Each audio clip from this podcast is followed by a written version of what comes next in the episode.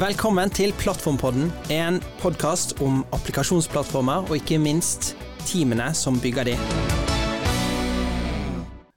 Mitt navn er Hans Christian Flåtten, og med meg i studio har jeg Audun Strand. Og i denne sesongen utforsker vi plattformene i offentlig sektor. Men før vi begynner med det, Audun, kan ikke du si litt om deg selv?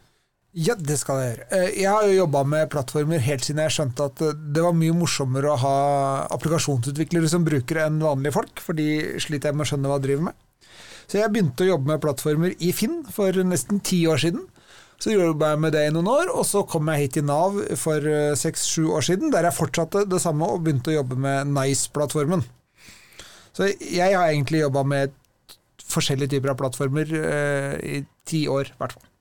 Men eh, hva med deg, Christian? Hvordan begynte du å jobbe med plattformer? Du, jeg begynte som eh, halve IT-avdelingen i Den norske turistforeningen.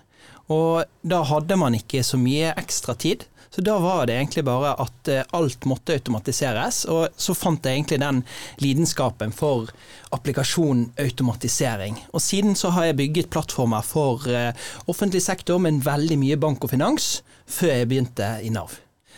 Men nok om oss to. I dag er vi så heldige å ha med oss Are Vattekar fra Skatteetaten her i studio. Hei, Are. Hei, Hans Christian. Are, kan ikke du fortelle litt mer om hvordan du kom i gang med å bygge plattformer? Det kan jeg gjøre. Ehm, jeg eh, jobbet i 15 år i en eh, liten bedrift eh, hvor vi hadde ansvar for applikasjon, applikasjonsutvikling, drift, infrastruktur. Og så kom jeg til Skatteetaten. Og I skatteetaten så var det et mye større fagmiljø, eh, og vi så at det var et eh, mye større behov også for å ha en større felles plattform. Så der begynte min reise i skatt for 13 eh, år siden nå. Og i løpet av de siste 13 årene så har jeg bygd applikasjonsplattformen til skatteetaten. Fra den spede start. Så når du kom, så var det ingen plattform? når jeg kom, ja. Når jeg kom så hadde vi en, eh, en plattform som bar preg av eh, veldig mye manuelle bestillinger og fraværende automatisering. Og Det er det som har vært fokus, er å få tilby en plattform til utvikling, sånn at vi kjapt kommer i produksjon og klarer å løse samfunnsoppdraget på en god måte. Utrolig spennende. Men Kan ikke du dra oss litt gjennom eh, denne historien, som jeg tror startet i 2010? Det stemmer. Vi startet et eh, omfattende moderniseringsprogram eh, i 2010 som het eh, Modernisering av grunnlagsdata. Dette er på en måte finansopplysninger som banker rapporterer inn, avmeldinger fra arbeidsgivere og sånne ting, som vi setter sammen for å automatisk kunne beregne skatten din.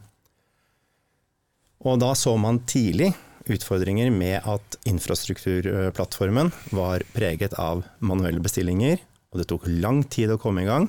Det tok flere måneder å få en applikasjon ut i produksjon, og dette måtte vi gjøre noe med. I 2015 så skulle Skatteetaten starte et uh, nytt moderniseringsprosjekt som het uh, Safir, uh, for særavgiftsoppdraget. Og da så man jo veldig tidlig at det ble veldig dyrt hvis hvert prosjekt skulle etablere sin egen infrastruktur for alt som har med robusthet, skalerbarhet og sikkerhet å gjøre. Derfor så ønsket man å innføre en horisontal skalerbar plattform, istedenfor at hver applikasjon og hvert prosjekt måtte bygge dette inn i de enkelte applikasjonene sine på egen hånd. Da startet man med en utredning av plattform as a service, og vi installerte eh, etter en del vurderinger eh, OpenShift Origin i eh, våren 2015. Da var Kubernetes i støpeskjeen, og det var en litt brokete start, for å si det sånn. Men uh, vi kom i gang med OpenShift OnPrem, og har beholdt OpenShift OnPrem inntil nå. Eh, ja, for du sier OpenShift. Jeg husker tilbake, Da jobba vel jeg i Finn i 2015, og da gikk vi for Kubernetes. Hadde dere liksom den vurderingen da, om dere skulle kjøre uh, Vanilla Kubernetes eller OpenShift? Delvis uh, ja. hadde vi en vurdering rundt det. Uh, vi har veldig mye Red Hat eh, on-prem. Så det var naturlig å se til OpenShift og hva de kunne mm. tilby på toppen av Vanilla Kubernetes. Og gitt at OpenShift var mer modent, et større økosystem, bedre sikkerhet, en helt annen sikkerhetsmodell i OpenShift enn eh, Vanilla Kubernetes, så gikk vi for OpenShift tilbake i 2015. Ja, jeg husker det var en sånn jeg oppfatter det, en, mer, en diskusjon som var mye mer opp i dagen da enn det den er nå. Når man, eh, når man velger nye, så tror jeg det er vanligere eller altså Etter hvert som alle skyldleverandørene tilbyr Kubernetes, så er det blitt et eh, enda vanligere alternativ å velge. Det avhenger litt av sikkerhetsmodellen din, men ja. Mm. vi hadde veldig sterkt fokus på multitendency, å kunne isolere workload helt fra hverandre. Og det har vi jo samme har vi gjort på, på den nye riggen, som vi skal snakke mer om etterpå. Jeg, jeg tror jo det er viktig at vi tenker litt tilbake igjen på den tiden der. Jeg husker jo selv, Da var jo også diskusjonen Kubernetes eller Docker Swarm. Sant? Det var jo det Om var ikke- om Jesus. Ja. Sant? Det var ikke egentlig eh, selv, så selvsagt som det er i dag at Kubernetes skulle vinne. Og det at man eh, går for en en eh, kommersiell et ferdig, ferdig produkt, det tror jeg var det var ikke, det var ikke veldig kontroversielt. Det var jo kanskje heller mer kontroversielt å skulle bygge det selv. I Finn så hadde vi et kvarter der vi kjørte noe som het Cisco Cloud. Som var noe sånn Mesos maratongreier fra Det var et open source-produkt, men det var liksom folk i Cisco som lagde det. Det funka ikke veldig bra, husker jeg. Det finnes ikke lenger. Jeg prøvde å google det her om dagen. Eh, Men eh, dere hadde OpenShift Origin i 2015. Hvordan bygde dere liksom på toppen av det? Hva var de neste stegene? Det var en interessant reise. For vi startet jo med å bygge automatisering i form av bash-skript og sånne ting. Og så så vi jo tidlig at vi måtte inn og gjøre noe mer. Vi måtte faktisk aktivt kode eh, ned i OpenShift. Eh, henge oss tett på plattformen. Og det var da vi begynte å innføre disse Kubernetes-operatorene, eh, lenge før det egentlig fantes noen operator pattern. Så har vi dratt automatiseringen derfra, og bare bygd på og bygd på. Eh, Så vi har en veldig moden eh, plattform om prem nå. Mm. Eh, For Kan ikke du fortelle litt mer om hvor stor denne plattformen er blitt? Hvor mange er det som er med å jobbe, jobbe på plattform, og hvor mange team og applikasjoner er det dere har i dag? Ja, godt spørsmål. Vi har i utgangspunktet mange plattformteam. Vi har ikke ett team som drifter plattformen og bygger den. Vi har eh, alt fra utvikleropplevelse, eh, CICD, det som er på en måte opp mot utvikling, til eh, automatisering på plattform, sikkerhet i plattformen, applikasjonssikkerhet. Vi har en dataanalyseplattform som vi knytter tettere og tettere inn mot applikasjonsplattformen nå. Vi ser jo at det er egentlig en stor plattform. Analyse blir et veldig viktig eh, del av applikasjonsporteføljen vår. Og vi har selvfølgelig plattformdrift. Mm. Så totalt sett er vi vel en, kanskje 50 personer. eh, Yes. Noe sånt noe. Ja. Jeg har ikke helt eksakte Nei. tall. Og hvilken del av den jobber du i? Jeg jobber som eh, ansvarlig arkitekt for hele applikasjonsplattformen. Og jeg det er da alle de Er det også analysedelen? Eller applikasjonsplattformen? En- Ikke analyse. Nei. Eh, Der har vi delt. Mm. Så vi har delt oss inn i tre hovedområder. Mm. Eh, infrastrukturplattform, applikasjonsplattform og dataanalyseplattform. Riktig. Det gir jo mening, det. Men eh, Are, vil du dra oss litt igjennom for applikasjonsplattformen? Sånn når en, eh, et team skal i gang uh, og få en, en applikasjon ut i produksjon, hvordan ser den reisen ut for det teamet? Det avhenger litt av type applikasjon. Igjen, hvilken reise de kobles inn på. Men typisk så blir de onboardet på plattform. Dvs. Si de får uh, tilgang. De får satt opp et navnerom, eller fler, med, med nøkler og, og sånne ting. Og så har vi kjøreregler på applikasjonsarkitekturen, som sier noe om hvordan du skal bygge en applikasjon for at den skal passe inn på plattformen. Og etter det så går eh, veien ganske radig av gårde. Mm. Vi eh, tilbyr et sett med tjenester, standardtjenester. alt fra felles eh, CICD-pipeliner, Mm. Eh, sikkerhetstjenester, automatisert utstedelse av eh, nøkler, tokens, eh, identitet og sånne ting. Vi har integrasjonstjenester mot uh, f.eks. ID-porten, maskinporten og andre IDP-er. Mm. Og vi har ikke minst massiv infrastrukturautomatisering for å Mm. kunne tilby en effektiv utvikleropplevelse i form av eh, automatisert eh, opprettelse av lagring, backup, nettverk, DNS, PKI. Alt det der er eh, helautomatisert. Mm. Um, men basically så har vi en, en golden path Mm. som vi tilbyr, og så kan eh, utviklingsteamene velge om de vil eh, kjøre på den ferdiglagte veien, eller om de har lyst til å gå på siden. Og de er velkommen til å gå på siden, Mm. Men da må de ta ansvar på egen hånd for det vi ellers vil tatt ansvar for dem. For. For, ja, for hvordan håndterer dere når det kommer et team til dere Hvis dere har mange team, og så er det ett team som gjør noe annerledes, så sier de vi vil ha eh, masse GPU-er, eller vi vil ha en spesiell database som ikke tilbys. Hva er liksom, eh, hvordan går man fram da? Det er litt forskjellige modeller eh, omprem og i sky, Ja. men eh, det er jo å identifisere behovet, og eh, veldig ofte så vil da eh, enten plattformer si dette er en tjeneste vi velger å tilby, for det er mange som vil ha den. Hvis det er en uh, veldig spesialisert tjeneste, så kan utviklingsteamet få ansvar for den tjenesten selv, Mm. men da må de også ta ansvaret. Mm. Da er de ansvarlige for tjenesten på egen hånd. For hvis de velger å bruke plattformen, som jeg håper og regner med at de, de fleste gjør, det høres jo veldig fornuftig ut det. Eh, Hvor, hvor langt ned i plattformen hvor må de kunne? Altså, Hva hva jeg kan si, eh, nivået av eh, abstraksjoner her som de må eh, bruk, benytte seg av for å igjen få denne applikasjonen hele veien ut i forhåpentligvis i produksjon? De trenger ikke ha så veldig mye kunnskap om Kubernetes. Mm. Det har vi abstrahert vekk. Fordi vi så tidlig at uh, hvis de knyttet seg for tett til Kubernetes-versjonene, så fikk vi redusert uh, farta på utviklingsteamene. Fordi det kom nye versjoner av Kubernetes, nye, nye manifester de måtte forholde seg til. Så vi abstraherte vekk den der eh, wall of YAML-en eh, ned i et sett med kontrakter. Eh, Så de har en, en byggkontrakt, en deployment-kontrakt og en kjøretidskontrakt. Mm. Som Tre, er, det tre filer som de har i Gitta, eller? tre filer de har i Git, Riktig. som automatiseringen vår plukker opp, mm. og genererer opp uh, alt som skal til av bakenforliggende manifester.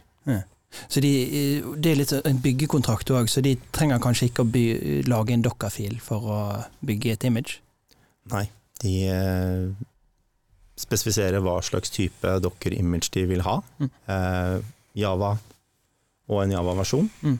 eller eh, Javascript eller Python.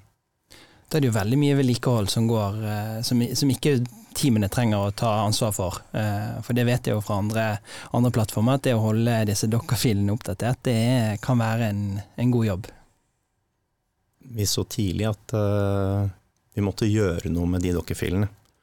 og, og generere de på siden. Og ikke minst, hva hvis det er en sårbarhet i et docker-image?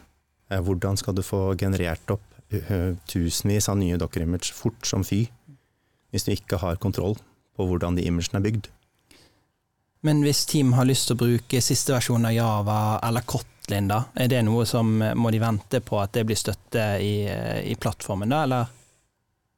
I utgangspunktet så må de vente på at det blir støttet. ja. Ja, det er jo en avveining det der med hvor, hvor fort kan man gå, og hvor mye skal man eh, få lov til å skyte seg selv i foten.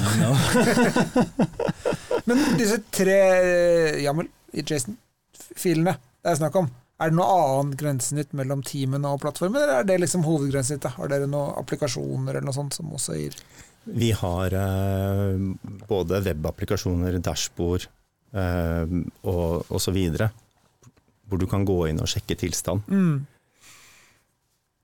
Og så har de jo også mulighet til eh, Kubernetes API. Mm. De kan gå rett på. De har kode på et eller annet nivå. Ja. Men det er ikke så veldig mange som logger seg inn der. Nei, jeg har skjønt det at det er uh, flere uttrykk enn jeg trodde. uh, som uh, ikke nødvendigvis er så interessert i hvordan infrastrukturen funker. Overrasker meg. Mm. Men det er nok sant. Jeg tror det. Ja, ikke sant? Det er jo, altså, Skatteetaten har 1100 ansatte i IT-divisjonen, Ja. hvor majoriteten av de er utviklere.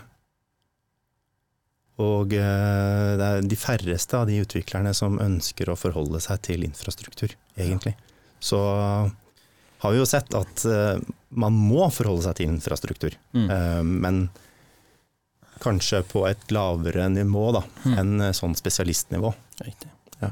Men de må jo forholde seg til disse tre mm, manifestfilene her. Hvor finner de informasjon om det? Hvordan blir de kjent med plattformen hvis det kommer inn en ny utvikler?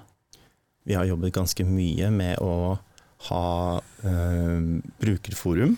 Vi har eh, altså wiki-sider, vi har andre nettsider, vi har enabling team. Eh, alle team har en kontaktperson de kan forholde seg til og, og stille spørsmål. Så det er ganske lett å få tak i informasjon om hvordan de skal bruke plattformen, og eh, eventuelt om det er nye ønsker på plattform og sånne ting, så har vi en veldig ren sånn single point of contact-funksjon, da.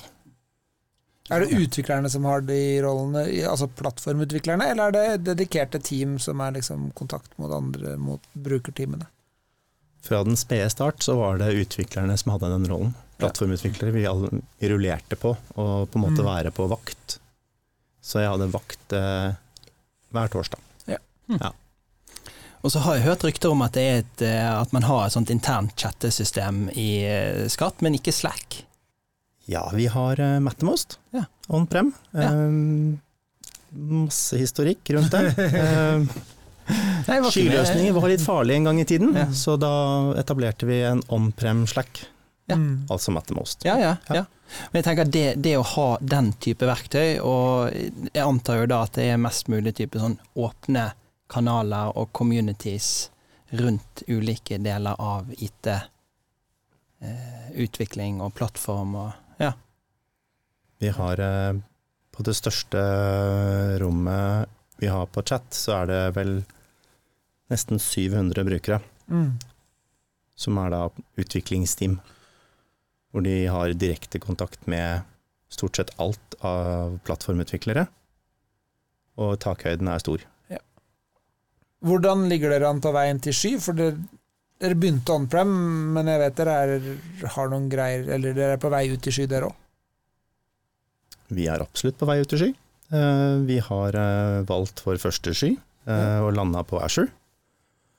Og der har vi satt opp en Vanilla Kubernetes-rigg. Ja, så dere lager en ny plattform på en måte for sky? Ja, Ja, spennende. vi bygde en ny ny, helt ny plattform basert på AKS. Mm. Det åpenbare spørsmålet er selvfølgelig hvilke deler fra den gamle plattformen, vær enten konkret eller mer overordna, skal dere ta med dere, og hva tenker dere liksom dere skal gjøre annerledes? Vi har jo gjort oss opp en del erfaring etter å ha bygd eh, plattform i åtte år on-prem. Mm. Så alt det lure vi har gjort, det tar vi med oss, og alt det dumme det tror jeg vi skal eh, la ligge igjen Mm. on-prem. Eh, hvordan ser dere for dere at, den, at utvikleropplevelsen blir eh, seende ute i sky? Den blir nok ganske lik som det den er on-prem. Eh, utviklingsteamene har i utgangspunktet lyst til å komme til en ferdig selvbetjent plattform. Og de vil ikke forholde seg til infrastrukturen nevneverdig. Mm. Så de ønsker at det skal være lett for dem å gjøre rett, og at de har mest mulig automatisering eh, rundt seg, sånn at de kjappest mulig kan komme ut i produksjon. Får de da kanskje også tilgang på eh, sånn andre eh, managed tjenester? Kan de benytte seg av managed databaser og fillagring og, og sånne, sånne tjenester som man gjerne får på rekke og rad i, i skyplattformer? Vi har tenkt til å forholde oss til eh, de store industristandardene, og at vi ikke skal ha for tette leverandørbindinger. Mm. Så det er en avveining mellom hvilke måte, managed eh, tjenester de kan bruke eller ei, Men tilbake til hva er det plattformen leverer? Vi leverer databaser, vi leverer lagring og den type standardløsninger basert på eh, skyens eh, managed-løsninger. Og hvis du har behov for en spesialtjeneste fra en skyleverandør, så er jo det mulig, Mm. men da må teamet ta ansvar selv. Så det er, eh, vi, vi bygger inn veldig mye på den paved roaden av standardløsninger som vi Mm. ser fornuftig at vi har, fordi det brukes så bredt av applikasjonsporteføljen vår. Mm. Så Golden Path fortsetter liksom, kanskje ikke helt samme pathen, men prinsippet er der fortsatt. Prinsippet er der. Pathen vil endres noe. Vi må ta i bruk mer eh, skytjenester. eh, Og færre egenutviklede eh, tjenester. Hvis vi kan kjøpe en tjeneste, så er jo det å preferere å kjøpe tjenesten. Men kommer dere til å beholde jeg er enig i at det er sikkert ikke alle som er interessert i hvordan det ser inni plattformen, men de som hører på denne podkasten er helt sikkert interessert i hvordan det ser inni plattformen. Det er derfor det er her. Kommer dere til å beholde liksom operator-greiene og sånn på i sky? Vi kommer nok til å bytte ut veldig mange av de operatorene vi har, Mm. med mer standard operatorer. Har Asher egen operator, eller bruker dere crossplane, eller hvordan tenker dere å gjøre det? Veldig godt spørsmål. Eh, Vi har ikke gravd så veldig mye ned i detaljene rundt det, så Nei. enn så lenge så lager vi våre egne operatorer basert på operator pattern og standard CRD-er, Mm. kontra det gamle regimet vårt, Mm. hvor vi fant på alt dette selv, for det Ja. var ikke tilgjengelig. Mm. Så vi tar og går i hvert fall én generasjon fram, Ja. og så får vi se om vi skal gå ett hakk videre eller ei. Mm. Men Asher mangler veldig mange operator, Ja. Men det dere lager, hvilke språk bruker dere? Operatoren er god, det er go. Go, ja. Var det ikke Java i gamle dager? Jo, det har vi forkasta. Var det jeg mente. For dere hadde en sånn eh, fragleperiode. Ja, Ja. det hadde vi. Men fraglene er også koda i go. Ja, De har blitt skrevet om. ja. Sånn var det sikkert. Altså Det er jo helt tydelig at dere to har en lang historikk. Men og, og apropos den historikken, har Are, KubeCon 2017. Hva, hva skjedde da? Det var jo en veldig liten KubeCon-event. Det var vel kanskje 1000 deltakere? Ja. Ja. Eh, Audun var der, og jeg var der. Sammen med Husbanken og Vegvesenet, og så drakk vi øl. Ja, først, jeg tror vi, første gangen var vi møttes i køa inntil inn til dag jeg, eller, jeg husker ikke om det er jeg som hørte noen snakke norsk, eller du hørte, hørt at jeg snakka norsk, men vi begynte å snakke sammen i hvert fall. Ja. Da skal jeg begynne i Nav måneden etter, eller noe sånt. Det er fint. Stemmer det? Og, så, og det vennskapet der, det ble jo noe mye større enn bare dere to. Absolutt. Eh, kjempestort. Nei, men det vi gjorde, var at vi lagde uh, Vi fant vel ut at Eller jeg, i hvert fall. Fra mitt ståsted så lærte jeg at det var mange andre som jobba i offentlig sektor, som lagde det jeg hadde lyst på å lage i Nav. Eh, for eksempel Skatt og Husbanken, da. Uh, I hvert fall som var der. Og da lagde vi en Slack, Slack som het Offentlig Pass, og så lagde vi en sånn fagdager. Vi hadde den første hos Skatteetaten ikke lenge etter den kubka, jeg tror det var rett over sommerferien. Og det har jo vart siden. Det har det. Mm. Uh, Det så jo ikke helt omfanget av uh, den lille praten vi hadde i køen, og hvor vi havna nå. Men uh, ja, eh, det var et skrikende behov for å utveksle erfaringer, tror jeg, i- på plattformsiden innenfor eh, offentlig forvaltning. Det tror jeg jo det er definitivt fortsatt. Det er jo derfor vi har denne her podkasten her. Um, vi begynner å nærme oss eh, landing her, men du Are, jeg skal sette deg litt, litt sånn on the spot. Og det er jo da Feil er jo sånn som alle gjør feil. Alt eh, kan skje. Vil du fortelle en gang om eh, noe gikk galt i skatteetaten, og litt hva dere lærte av det? Det kan jeg gjøre. Eh, I utgangspunktet så har jo skatteetaten veldig stort fokus på å lære. Vi skal bli bedre, og vi skal lære våre feil.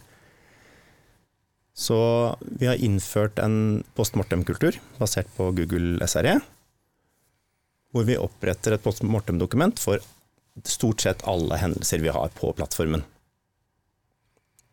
Og det er jo kun for å lære, ikke for å peke eller dele skyld eller eh, noe sånt noe men det er for å lære å bli bedre. Og dere husker vel eh, at uh, skattemelding var litt utilgjengelig sånn på vårparten i år? det var en eh, plattformissue. I utgangspunktet så prøver vi å spare penger, så vi skalerer ned infrastrukturen vår. Og så skalerer vi opp ved last. Skal dere ned på hver skattemeldingsinnlevering? Nei, vi skalerer ned. Altså, vi har, skatteetaten har et årshjul med veldig variabel last Ja. på systemene. Så i sånn mars-april så har vi plutselig en halv million samtidig pålaga brukere. Mm. Og i mai, juni, juli osv. Så, videre, så har vi nesten ingen. Det er jo litt gøy, da. Ja, men da, det er en tsunami som kommer. Og når den tsunamien kommer, så må vi skalere opp. Det gikk ikke fort nok denne gangen her. Vi klarte ikke å på en måte horisontalt skalere plattformen i takt med antall brukere som kom på.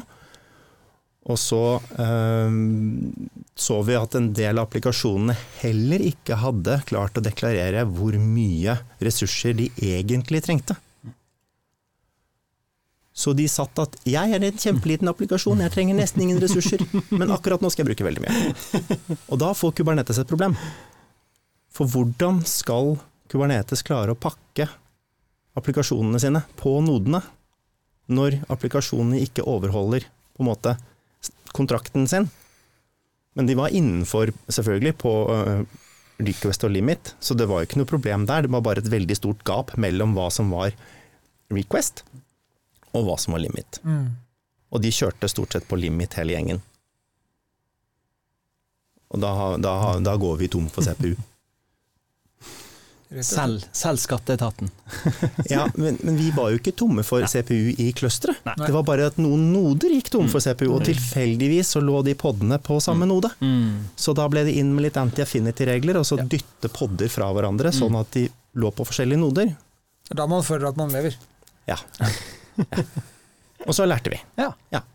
Ellers så syns jeg jo det gir mening det der med å, at du får melding 'nå er det din tur'. Nå kan du At ikke, at ikke fem millioner brukere skal inn akkurat samtidig. Det, da, da ber du om at eh, Da ber du om problemer.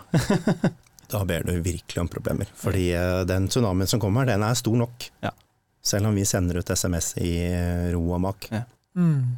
Ja, for det er det sånn det fungerer. Det, det liksom sprer SMS-en utover. Nå er jo hele skattemeldinga blitt så bra at jeg gidder nesten ikke gå inn og sjekke. Så jeg hjelper til med å holde lasten deres nede. Ja, det er veldig bra. Ja, takk. Men det er ja. mange som faktisk logger seg inn eh, den dag i dag. oppfordring til alle da om å Ja, ja. ikke Ikke sjekk selvangivelsen, da blir livet til med mye bedre. I hvert fall Ikke med en gang. Vent. Nei, og ikke, ikke tre timer før innleveringsfristen går ut. Tenk bare ikke sjekk med en gang eller rett. Takk. Du Are, det har vært en fryd å ha deg her i studio og snakke med deg. Eh, har du noe helt siste på tampen? Ja, hva er det, hva er det vi skal eh, jobbe videre med nå, da? Det er jo å utvide, bygge en større hybridplattform. Vi kommer til å beholde datahallene våre i lang tid. Og vi skal bruke sky. Og vi skal kanskje bruke flere forskjellige skyleverandører. Men vi må ha en plattform som fra et utviklingsperspektiv kan oppleves som en mer eller mindre homogen plattform. Sånn at det viktigste er jo at vi klarer å levere på kost, på tid, til samfunnet. Og møte de forventningene som samfunnet har til etaten. Mm. Kjempebra. Igjen, tusen takk for at du tok deg tid til å være her sammen med oss eh, i dag, Are. Og da er jeg litt interessert i hva, hva tenker du, Audun? Hva, hva sitter du igjen med? Jeg syns det var veldig morsomt å høre om eh, den varierende lasten, blant annet, og hvordan man må løse det i plattform. Eh, når jeg jobba i Finn, så var en av de morsomste tingene var liksom når det var mye trafikk. Eh, og det å løse problemer som kommer av plutselig mye trafikk, eh, det syns jeg er gøy å høre om. Og hva med, eh, hva med deg, Hans Christian? Hva har du lært? Jo, jeg har jo lang erfaring fra å bygge plattformer i bank- og finanssektor, og vet jo hvor mye krav og regelverk man kommer borti når det gjelder alt som har med tall og penger. Eh, Så jeg syns jo det er utrolig befriende og fascinerende å høre hvor langt eh, skatteetaten har kommet, og eh, ikke minst også hvor og de fortsetter. Det er, det er ikke ferdig her, og, og det merker jeg jo selv. Jeg skal inn og litt samme som du nevnte, Audun, skal inn og sjekke skattemeldingen. Det, Det er jo riktig. Det er jo lite jeg skal gjøre. Alt, alt er liksom allerede Du kommer til duk og dekket bord, og det er så herlig. Det er akkurat sånn vi ønsker det. Eh, så det var veldig, veldig gøy, og ikke minst å høre at her er det på god vei videre. Og med det så runder vi av eh, denne episoden av eh, Plattformpodden med Hans Christian og Audun. Teknisk produsent har vært Tore Gressdal. Takk for oss.